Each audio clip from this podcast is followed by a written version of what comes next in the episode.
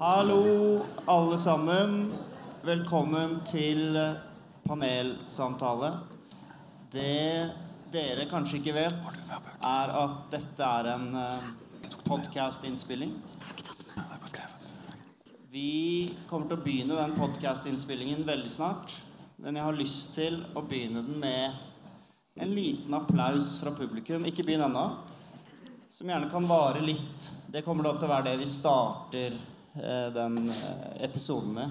Så da teller jeg til tre.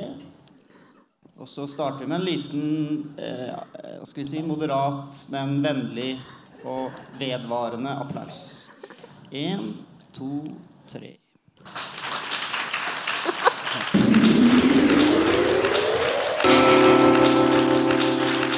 Kjære lyttere, kjære publikum, kjære medborgere og kjære bokvenner. Velkommen til denne live-episoden av eh, Bladpodden. Vi er på God natt Oslo, festivalen. Og vi skal snakke i dag om skildringer. Det er for mange skildringer i norsk samtidslitteratur, er påstanden vi skal drøfte. Eh, vi har med oss Eirin Andresen Betten, journalist, skribent og litteraturviter. Vi har med oss Karoline Henanger, kritiker for Klassekampen, kritikkredaktør for Fett og litteraturviter. Og vi har med oss Benjamin Jastan, kritiker og litteraturviter. Jeg heter Jonas Meyer. For å bli litt kjent, og dette pleier vi å gjøre i uh, vår kjære podkast uh, snakker vi litt først om hva er det vi leser for tiden. Vi er jo bokvenner alle sammen.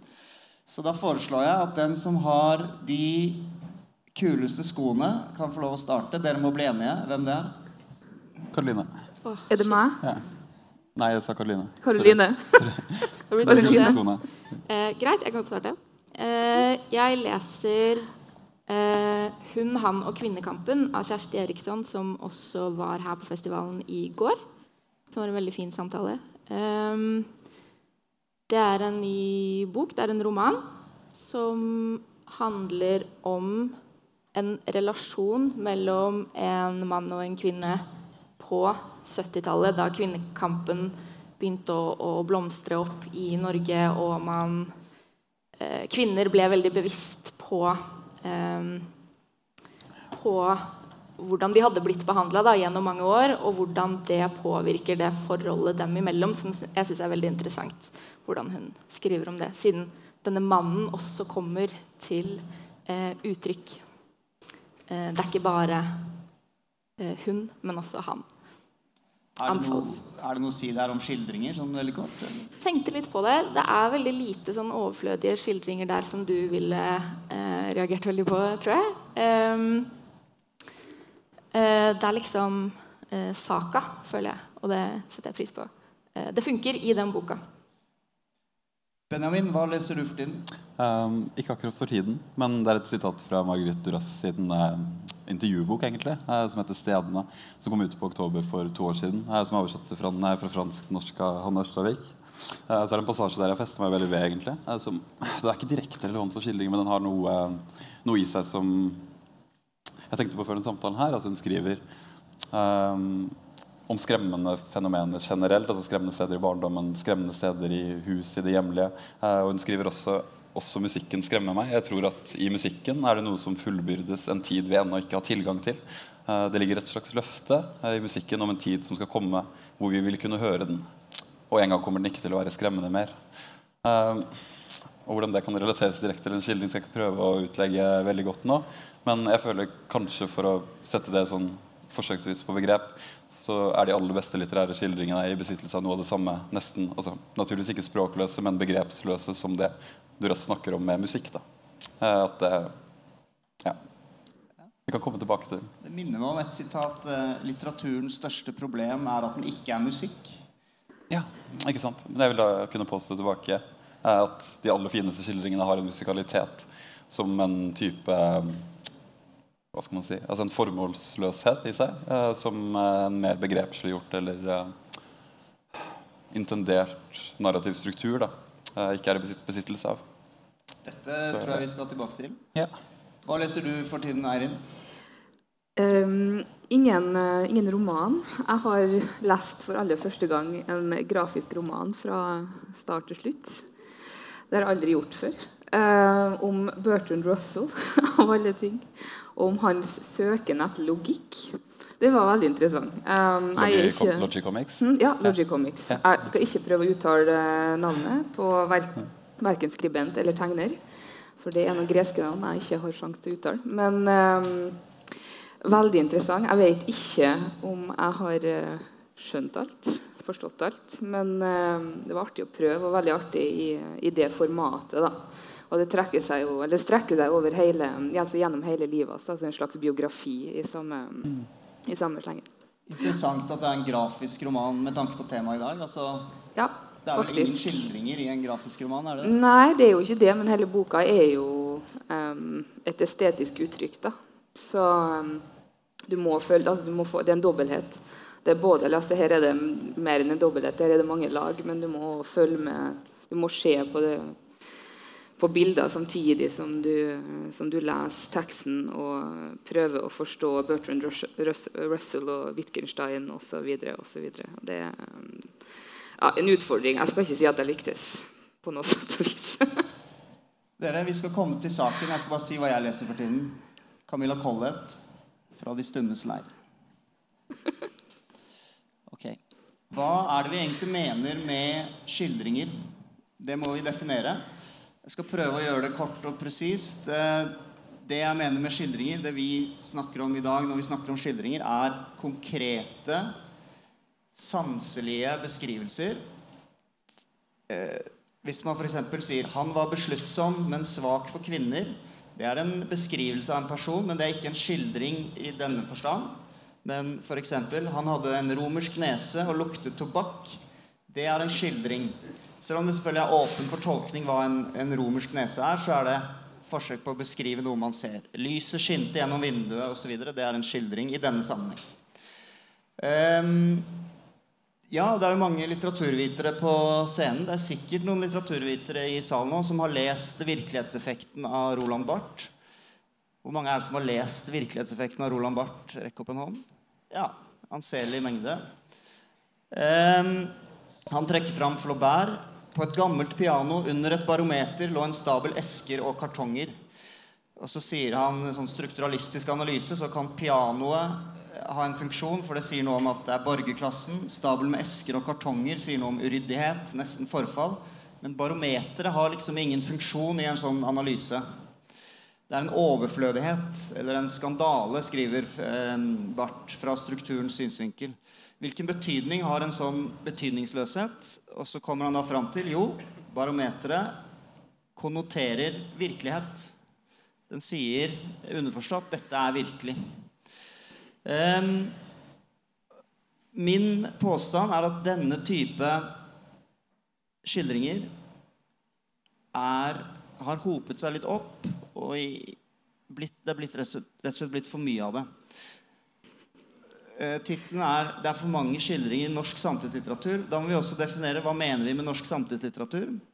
Da mener vi egentlig Trude Marstein. Nei, det var en liten spøk. Men eh, vi skal starte med å lese et sitat av Trude Marstein. Åpningen på den siste romanen hennes. Grunnen til at vi har valgt henne, er eh, hun er, hun er dyktig, hun er anerkjent, og skildringene hennes er veldig det er en intensjon bak dem som hun er veldig klar på selv. Hun vet hva hun gjør når hun skriver skildringer.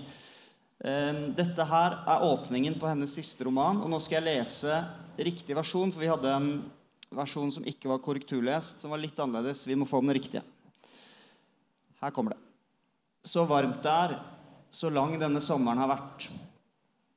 I stua stråler alt, Firkanter av sollys ligger over sofaryggen med dirrende skygger fra bladene på lønnetreet. En flue borer mot vindusglasset. Tante Liv sitter og blar i et fotoalbum med fingre røde av bringebær, ytterst på stolsetet, alltid på vei til å reise seg for å gjøre noe annet. Tingene hennes ligger rundt omkring. En neglelakk på telefonbordet, en grønn strikkejakke på en stol og pappas avis på stuebordet. Skillet mellom lys og skygge skjærer forsiden i to på skrått. Det er eh, åpningen. Eh, mange skildringer. Jeg har lyst til å bare åpne ordet litt. Fungerer dette? Eh, jeg syns det fungerer. Jeg synes det fungerer veldig fint. Um, jeg, liker nok skildringa. Jeg vet ikke om jeg skal avsløre det så tidlig. Men vi er inne på musikaliteten. da, igjen, og Jeg syns Trude Marsten får det til veldig fint her. Um, både med tegnbruk og altså tegnsetting. Hvordan setningene er bygd opp, og ikke minst det bildet det skaper. For du får en sånn følelse av varme. Du får det, du, det tydelige bilder som kommer fram. Du vet På sommeren når sol kommer inn gjennom vinduet, så ser du all det støvet som ligger i lufta. Det er sånne bilder som, eh, som dannes. da, Så jeg syns hun lykkes. Hva skal man med et sånt bilde, egentlig? Eh, det er pent, tenker jeg. det er varmt, det er godt. Eh, positive assosiasjoner. Um, du er på vei inn i ei litt sånn kjip årstid her nå, og lese sånne ting kan kan varme deg opp litt. Mm. Eskapisme? Ja, faktisk. ja. ja. Og hvis litteratur ikke er eskapisme, hva, hva er det da? Ja. Mm. Nei, altså jeg syns, jeg syns ikke det er dårlig skrevet eller en dårlig skildring. i det hele tatt. Jeg syns det er greit. Jeg synes uh, Det er kanskje mer av en eksposisjon enn det er en uh, genuint god litterær skildring uh, av høy estetisk kvalitet. det er veldig klart og tydelig hva hun vil med denne beskrivelsen. Hun skal etablere en fornemmelse eller en affekt. Hun skal sette scenen for karakterene. Uh, de introduseres forsøksvis umerkelig gjennom uh, uh, rekvisitter, altså, eller virkelighetseffekter, for å snakke i forlengelsen av det. Uh, men en genuint god litterær skildring eller interessant som estetikk, det syns jeg ikke den er. Uh, for den tjener først og fremst en narrativ funksjon. altså Den skal etablere på plass Eh, alt det som skal følge resten av romanen. Eh, og jeg synes, Uten å liksom begynne å anklage Trude Marstein for å være instrumentell og estetikkens fiende. Liksom, det, er det. det er ikke det jeg tenker på. Men det er ikke en autonomt, ekstremt uh, god eller interessant litterær stilling i seg selv. Det synes jeg ikke. Det, er det et kriterium for deg at uh, det ikke skal tjene narratologien? Uh, ikke nødvendigvis. Uh, det blir også for veldig binært eller kategorisk å si at det nødvendigvis ikke skal gjøre det. da kunne man jo på en måte ikke hatt narrative romaner. Da kunne man kun Da måtte man enten om å si at det er bare Tor Lund som skriver gode litterære skildringer, og det går jo ikke. Men altså, de aller beste skildringene innehar en særegen kvalitet som går ut på at de på sett og vis bæres av en interesseløshet. Altså, de ikke de utgjør et brudd med det narrativet. da, så å si ofte, Eller ofte de skildringene jeg i alle fall setter pris på. Eh, og de kan gjerne liksom mer eller mindre eksplisitt tjene et narrativt formål. Det vil de jo nesten uansett gjøre. Egenskap av å bryte opp eller av å tilføre en ny komponent til karakterenes eventuelle følelsesliv som de kan speile eller bryte mot. Men uh, den skildringen, jeg, tok den opp selv her også. Um, jo, det er gode setninger, det er en fin musikalitet, men da har vi blitt introdusert for Altså Det står august 1973 først, eh, som, er en, som, er en, kjempeviktig markør også. Eller liksom Ansøtstein, og Da befinner vi oss sannsynligvis i en barndom. Eh, så det har å gjøre med erindring. Eh, så varmt det er, så lang denne sommeren har vært, den er fin. Det er sånn, fin, fin rytme i det. Men så blir vi introdusert sånn én etter én. Tante Liv, tingene til Tante Liv, neglelakk, grønn strikkejakke, pappas avis. altså disse tingene gjør, altså de, de, komponentene her vil jo alle gode litterære skildre så å si ha med. Eh, men om ikke manert, så er det ganske tydelig, i alle fall i lys av den påstanden som Barth kom i sitt essay, da, hva som skal på plass. Mm. Altså, apropos Margrethe Duras. En flue borer mot vindusglasset. Hun skriver 30 sider om hvordan en flue borer mot et vindusglass og dør. Ikke sant? Eh, så det har å gjøre med For meg, det, det som gjør den ikke gjør den skildringen her eminent, så sier jeg at den, ikke, den fanger ikke opp det helt partikulære ved de tingene den forsøker å beskrive skal jeg gjøre videre. Du, du har høye krav da til uh, Jo, jo, men det, det, det, det må man ha. Syns det er en ok skildring? Nei, så helt ok, så. Hadde jeg ikke blitt bedt om å vurdere den nødvendigvis i en sånn kontekst som det her, så tror jeg ikke jeg hadde reagert på den. Nei, nei, nei. Det hadde ikke stoppa opp. Men jeg hadde også tenkt, for å bekrefte litt av din hypotese, da, når vi først sitter her, norsk samtid. Ja. ja Trude Marstein. Okay. Ja. Jeg tenker at det er helt uh, At den er ok, er liksom uh, vi kan ikke forvente noe mer, da, fordi det er en del av en, en roman som er ganske omfattende. Det er eh, flere deler av hun hovedpersonen Monica sitt liv. Mm. Og hun eh, har jo valgt ut disse scenene selv, eh, fordi hun er kanskje sånn Jeg husker ikke helt hvor gammel hun er i den første scenen, men det er jo et perspektiv der også som blir etablert, for det er et barn. Mm. Og det kan man jo også lese ut av den første eh, skildringa. At det er mm eh, hun sitter på en måte og ser litt. Og tante Liv som sitter der på stolen, alltid på vei et sted. Det sier noe om tante Liv, det sier noe om hvordan hun tenker på tante Liv. Eh, hun er litt mystisk. Og eh, avisa til faren, det er ikke hva som står i avisa, men det er lyset som faller på den på en spesifikk måte. Eh, og da eh, er det også tydelig at hun husker denne scenen. Det er noe som skjer, dette er viktig for henne, og vi får ikke helt vite hva ennå. Så den peker eh, innover i boka da, på den måten, tenker jeg. Og at det er uansett sånn helt grunnleggende veldig vanskelig å ta én skildring ut av en roman og tenke nå skal vi ja. si noe om dette. For det blir litt som, ja. litt som å, mm. å, å, ta et dikt ut av en diktsamling og se bare på det, liksom. Mm. Uh, ja. Det, det, blir noe annet da, med en gang man tar ut én skildring. Med en gang man man tar ut én skildring ja, ja. fra en hel roman. Eh, bare sånn, så det. Mm. Og så er det jo, hvis jeg bare kan kime inn på det, eh, interessant at du har et mye klokere blikk på den passasjen enn jeg har, som, selvfølgelig ikke, som jeg ikke leser romanen. Mm. Ikke sant? Det, det, har nok mm. mye å si, eh, fordi jeg leste den og likte den veldig godt. Mm. da jeg leste den, Så jeg prøver å tenke veldig positivt også på mm. alt og skal forsvare den hele tiden. Mm. Uh, ja. Så kan man jo diskutere om de aller aller fineste skildringene uansett burde ha en så stor estetisk kvalitet i seg at de kan stå helt på egne ben. Da.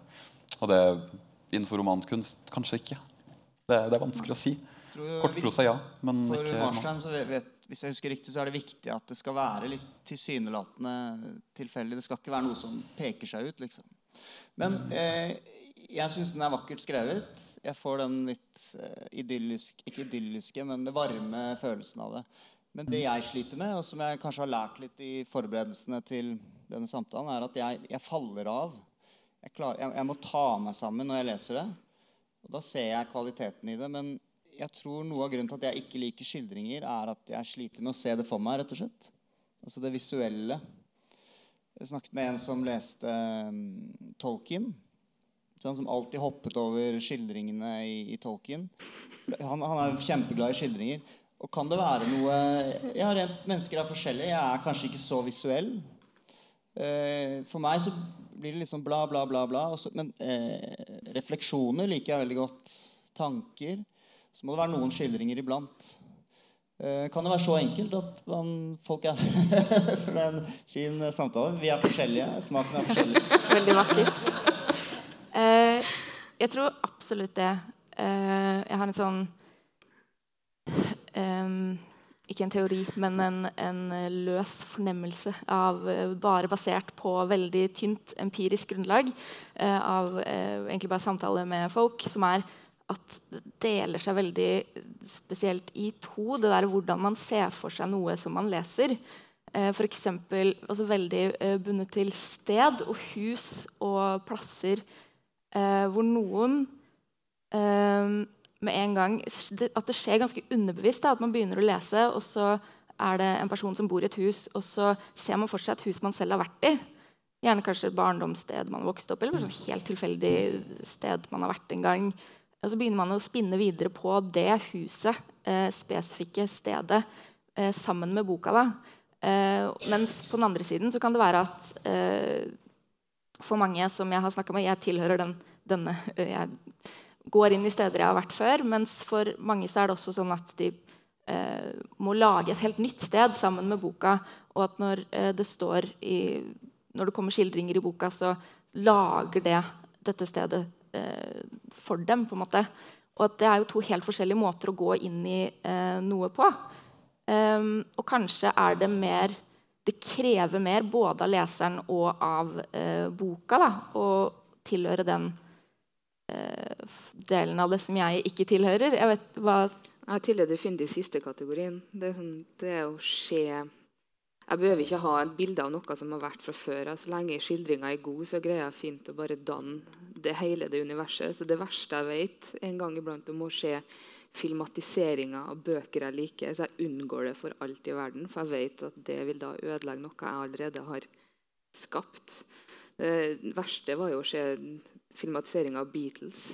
Lars Saabye Christensens bok. Og de eh, hadde jo plukka ut et par kapitler egentlig, og filmatisert den. Og det var jo eh, Jeg prøvde å undertrykke den uh, opplevelsen i lang tid. Um, rett og slett fordi at det bare Det, det slett ødelegger um, ting som forfatteren har prøvd å formidle, og som jeg greier å se. Og hvis jeg greier å se det, så er det jo åpenbart vellykka til en viss grad. Jeg vet ikke, Benjamin. Mm. Hva Ja, jeg tror det er egentlig for å komme litt sånn eh, jo, altså, det er det, det er styrt av minner, erindring eh, videre. Jeg leseerfaringen. Jeg tror jeg tilhører begge grupper. egentlig. Men jeg fester meg litt med at du sier at du liker refleksjoner bedre enn skildringer. Men er ikke det veldig dikotomisk? Eh, altså, den, de aller fineste skildringene vil jo uansett romme en påstand om verden som også er en refleksjon. Eh, og de aller fineste refleksjonene vil inneha en så høy litterær kvalitet eller være så godt skrevet på et setningsnivå at de blir en skildring i seg selv. Eh, og da tenker jeg at den aller fineste teorien da, for eksempel, har høyere litterære kvaliteter enn så å si alt av skjønnlitteratur. skjønnlitteratur. Eh, og omvendt. Den aller beste skjønnlitteraturen har finere teoretiske eller tankemessige kvaliteter enn den, det gjengse essay eller gjengse teori. egentlig. Var ikke det veldig dikotomisk å si det? Nei, det er tvert imot dikotomisk. Nå spalta jeg opp dikotomien din. Men Men altså, det, det er interessant det du sier, at en skildring kan inneha en refleksjon. altså alle skildringer er jo refleksjoner. Altså Ja. alle, skildringer er en på, Ja, ja, altså alle, alle setninger er en påstand om verden i litteraturen også. Det føler jeg litt, kanskje litt underspilt når man snakker om skildringer også. Ja. Eh, At det rommer altså det, det lille utdraget fra Marstein også rommer påstander om hvordan erindring fungerer. Eh, hvordan man nærmer seg sine egne barndomsminner. Eh, I utvelgelsen av det som ikke blir tatt med eller skrevet med, så er det en vekting av det og det og det eh, av naturelementer eller av beskrivelser. Så all litteratur rommer en poetikk, kunne man si veldig generelt også. Ja. Absolutt. eh, Og det er vel liksom det blikket som ser. eh, Skildringene sier mye om det blikket. Men jeg tror for meg så Du tenker kanskje mer på aktiv refleksjon i form av idéromaner? Ja, ja, nettopp. Ja. Ja. Eh, Eller eh, tanker som er skrevet ut. Men eh, vi kan vi ikke ta et nytt sitat? Jo. Josefine Klogert. Mm. hun er dansk, men hun regner seg selv som en norsk forfatter, sier hun i intervjuer, så vi kan ta med henne her i dag. Hun er også oversatt av Marstein. Her er åpningen på hennes Nå burde jeg ha tittelen her, men det har jeg ikke. Lys. Og det begynner også med lys. Men jeg syns det er vanskelig å finne liksom, refleksjonen i, denne, i disse skildringene. Jeg, jeg tror det er noe med det at jeg, jeg faller av som leser. Da. Det blir for uklart for meg. Lyset kommer krypende inn over de pløyde åkrene. Skavler av mørk, leiret jord skjøvet opp mellom hverandre. Oksekalver som slåss i båsene. Et brak av for mye kropp på for lite plass. Ja. Og så fortsetter det. Det er liksom noe med lyset, ja, naturskildringene Jeg tror skildringa er for veldig mange forfattere en anledning til å bare altså til å dra sceneteppet litt til sides. Det føles ikke det, det, det er mjukt og det er behagelig. Det føles ikke så veldig brutalt. Um, og så er det det at skildringa òg kobler seg opp imot en plass og et sted. og et sted å vel begynne opp imot eh, altså det å begynne opp imot hva det er som skal foregå gjennom hele romanen. Det er, det er forskjell, det er en grunn til at altså det er forskjell på en byroman for eksempel, og ting som er satt på Hvis du snakker om norsk litteratur som er satt i Nord-Norge, visse plasser i Nord-Norge på kysten f.eks. Du har ulikt vær um, og ulik natur, men i byen så blir det også mye mer urbanisert. Mye av naturen blir tilsidesatt.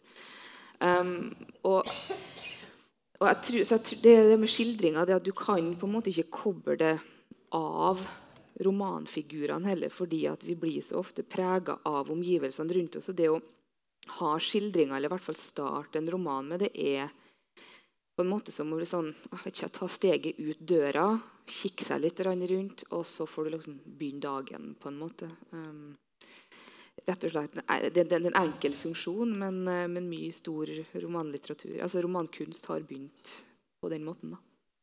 Mm. Vi kan eh, snakke litt om uh, hvilke andre funksjoner er det egentlig skildringer kan ha. Vi har nevnt noen her. Uh, kan si noe om det blikket som ser. Det kan være Du var inne på at det kan bryte narrativet. Kanskje du vil si litt mer om det? Og eventuelt Ja. andre funksjoner skildringen Ja. kan ha?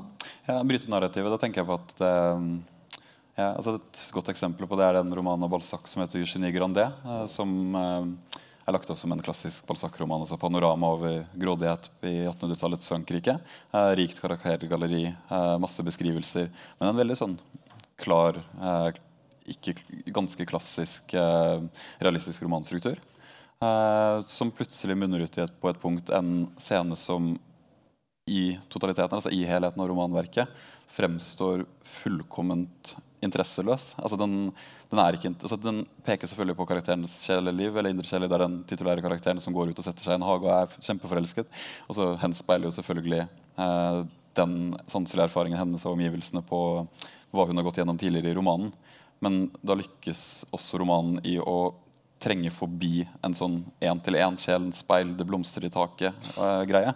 Uh, uh, den, altså den type skildringer da, som ikke er ment å etablere en form for liksom sånn enkel kausalitet mellom karakterenes følelsesliv og de ytre omgivelsene. Uh, som kanskje tvert imot også bryter med det. Det er også interessant at den ene, det, det står ut som en detalj i det. Uh, altså en, en, scene eller lengre passasje som ikke er identisk med en større intensjon i verket. Syns jeg ofte ofte er spennende. Mm. Andre ting skildringer kan gjøre med oss i litteraturen? Nei. Hva de kan gjøre med oss? Nei, funksjoner. Funksjon, eh, altså jeg vil kanskje si at de beste skildringene er de som glir inn i romanen som helhet. når de får ta sin egen plass i skildringene. på en måte. Jeg vil ikke kalle dem en, en karakter, jeg vil, jeg vil, ikke trekke det så langt. Men at du, du, legger merke til dem, men du legger heller ikke merke til dem. Og når du sier at du ikke liker skildringer, um, så tenker jeg øyeblikkelig at kanskje det du har lest, ikke lykkes med altså, altså Skildringene lykkes ikke, da, fordi at hvis det etableres eller glir inn i, inn i narrativen på en, en uh, organisk måte, så, så, tenker du ikke over dem til den grad at du opplever det som verken kjedelig eller mislykka. Mm. Altså, det er en kritiker som uh, skrev at det er skildringsmani i norsk samtidslitteratur. Så jeg snakket med han, og han, han mener ikke det lenger. Så jeg, jeg kan ikke nevne navnet hans, men uh, han, han, knytter det til skriveskolene. Eller han knyttet det til skriveskolene og show don't tell. Det er en kritikk man har hørt før. Uh, show don't tell-maksimen. At det har liksom gjort at Ja, det, jeg tror det er et poeng der. Da, at det ja. kan bli litt sant, Disse refleksjonene som skal bakes inn i skildringer Kanskje man bare noen ganger kan bare si det. da Si det rett ut. Tell. Mm. Jeg tror det jeg, jeg, tror du er inne på noe vesentlig når det gjelder den skriveskolegreia, for å kalle det det. Altså, er, det er en, om ikke en skildringsmani, da, så er det en frykt for tenkning eh, i en god del av den eh, skriveskolelitteraturen som eh, har kommet ut de siste årene, eh, uten å nevne navn. Men eh, kanskje blant eh, forfattere uteksaminert fra Bø. kanskje ikke så mye i Bergen. Eh, ja. Dette står i kontrast til f.eks. Danmark, da, altså, som er mye mer orientert rundt tverrestetiske uttrykk, filosofi eh, og tenkning. Men jo da, det, det, er en sånn skriveskolefrykt for at litteraturen plutselig skal bli politisk og dermed kjempeskummel. Eh, og så er det AKP-ML igjen og igjen, og igjen, og så får vi den møkka. på en måte, Men det, det, det er jo ja. Det er jo den enkleste oppgaven å gi noen, da gå ut og beskrive skogen du ser, eller noe sånt. sant? Ja, ja. Og hvis du gjør det gang på gang på gang, så vil det jo på en måte finne sin plass i den litteraturen du eventuelt produserer. Hvis du ikke greier å skjønne at ta av en oppgave um, Nå må vi være litt mer økonomisk.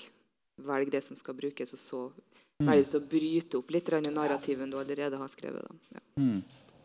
Jeg synes, um, Uten at jeg skal knytte det så veldig til skriveskoler uh, selv Jeg har ikke så oversikt over alle uh, som kommer ut av Wilkinson skriveskole. Jeg skal ikke påvirke meg uh, Men, uh, du hørtes ut som en sånn veldig raffinert vinsmaker som, som ja, plasserer sånn, perfekt. Veldig imponerende. Var, jeg var kjempefordomsfull, men ja. Uh, men jeg tenker Ja, uh, men jeg er enig i det at, at uh, jeg har selv også lest flere av de passasjene som er veldig sånn beskrivende og skal prøve å være objektivt beskrivende. Som om eh, litteraturen skal prøve å etterligne fotografiet på en eller annen måte.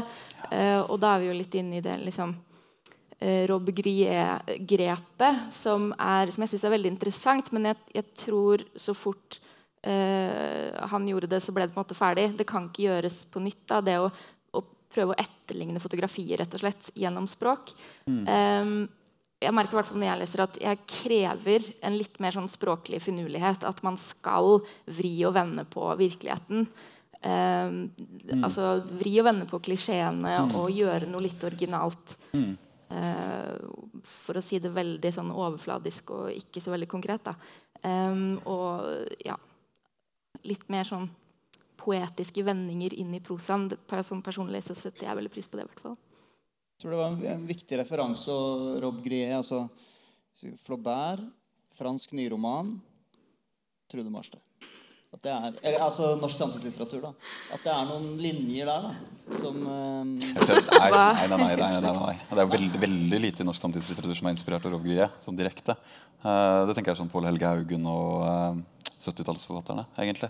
Jeg vil ikke si at man finner noe direkte fra fransk, uh, fransk nyroman. egentlig. Men kan det være at den eh, påvirkningen ikke er direkte, men har liksom blitt en del av um, Ja, kanskje ikke så Rob, ja, kanskje ikke så mye Rob Gré som Nå motser jeg kanskje meg selv litt indirekte, men Duras er blitt kjempeviktig. Eh, og det er jo en del norske samtidsforfattere som har anammet stilen og tenkningen til Duras uten å egentlig kan man forsøksvis si da, eh, reflektere over hvor det kommer fra. Eh, altså Det er en politisk situasjon. Eh, det er et situert blikk. Man kan ikke appropriere setninger til du også tenker at man er ambivalent og utprøvende. Men de som gjør det aller best, sånn som Thomas Espedal og Hanne Ørstavik, er jo noen av de, flinke, eh, noen av de fineste norske romanforfatterne i dag også. Ikke sant? Men det Men den, kan man, hvis man kan kalle det en skole, drar med seg en del skildringer, da, tror jeg. Eh, Ja, det drar det- Ja. Det, det gjør det jeg har lyst til å lese en skildring for dere som jeg liker. Så vil jeg bare høre hva dere Dere har ikke fått lest den før. Nei. Eh, jeg har gjort om på ett ord, så ikke det blir så tydelig hva det er. Oi. Han kledde huset innvendig med rent gull. Han hengte gullkjeder foran inngangen til det aller helligste og kledde det med gull. Hele huset kledde han med gull, fra ende til annen. Og hele alteret som sto foran det innerste rommet, kledde han også med gull.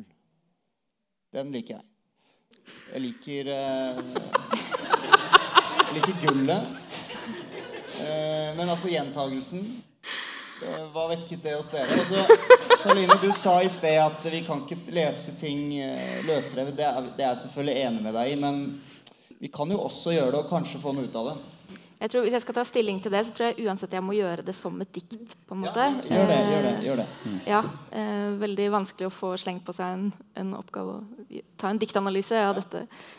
Um, men jeg, ja, jeg skjønner hva du mener. Det er noe poetisk og litt sånn musikalsk der da, med den gjentagelsen. Og, og at i det at eh, det er litt sånn fantasifullt. At det er Siden du sier at det er et utdrag, da, så er det kanskje noe som skal eh, være et bilde på noe.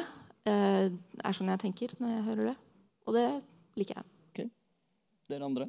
Mm, tja, altså blir jeg bedt, bedt om å vurdere det helt løsrevet fra den eventuelle konteksten, så det er liksom standard normal, normalprosa med mye gull.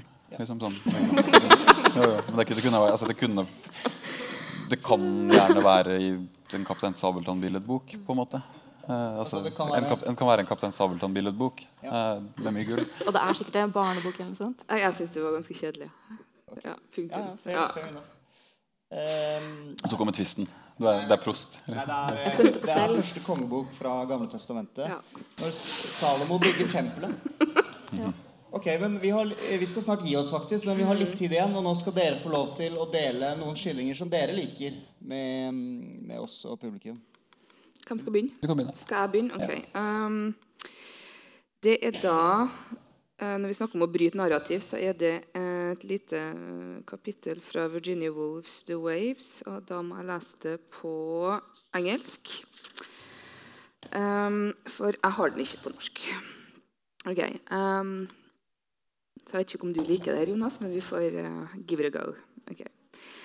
Now the sun had sunk. Sky and sea were indistinguishable. The waves breaking spread their white fans far out over the shore, sent white shadows into the recesses of sonorous caves, and then rolled back, sighing over the shingle. The tree shook its branches, and a scattering of leaves fell to the ground. They were settled with perfect composure on the precise spot where they would await dissolution. Black and grey were shot into the garden from the broken vessel that had once held red light. Dark shadows blackened the tunnels between the stalks. The thrush was silent, and the worm sucked itself back into its narrow hole. Now and again, a whitened and hollow straw was blown from an old nest and fell into the dark grasses among the rotten apples. The light had faded from the tool house wall, and the adder's skin hung from the nail empty. All the colours in the room had overflown their banks. The precise brushstroke was swollen and lopsided. Cupboards and cha- chairs melted their brown masses into one huge obscurity. The height from floor to ceiling was hung with a vast curtain, with vast curtains of shaking darkness. The looking glass was pale as the mouth of a cave, shadowed by hanging creepers. The substance had gone from solidity of the hills. Travelling light drove a plumy wedge among the unseen and sunken roads, but no lights opened among the folded wings of the hills and there was no sound save the cry, save the cry of a bird seeking some lonelier tree. At a cliff's edge there was an equal murmur of air that had been brushed through forests of water that had been cooled in a thousand glassy hollows of mid-ocean. As if there were waves of darkness in the air, darkness moved on, covering houses, hills, trees, as waves of water wash round the sides of some sunken ship.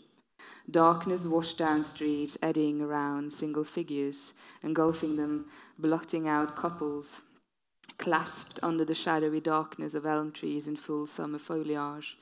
Darkness rolled its waves along grassy rides and over the wrinkled skin of the turf, enveloping the solitary t- thorn th- sorry, tree and the empty snail shells at its foot. Mounting higher, darkness blew along the bare upland slopes and met the fretted and abraded pinnacles of the mountains where the snow lodges forever on the hard rock, even when the valleys are full of running streams and yellow vine leaves, and girls sitting on verandas look up at the snow, shading their faces with their fans, them too darkness covered.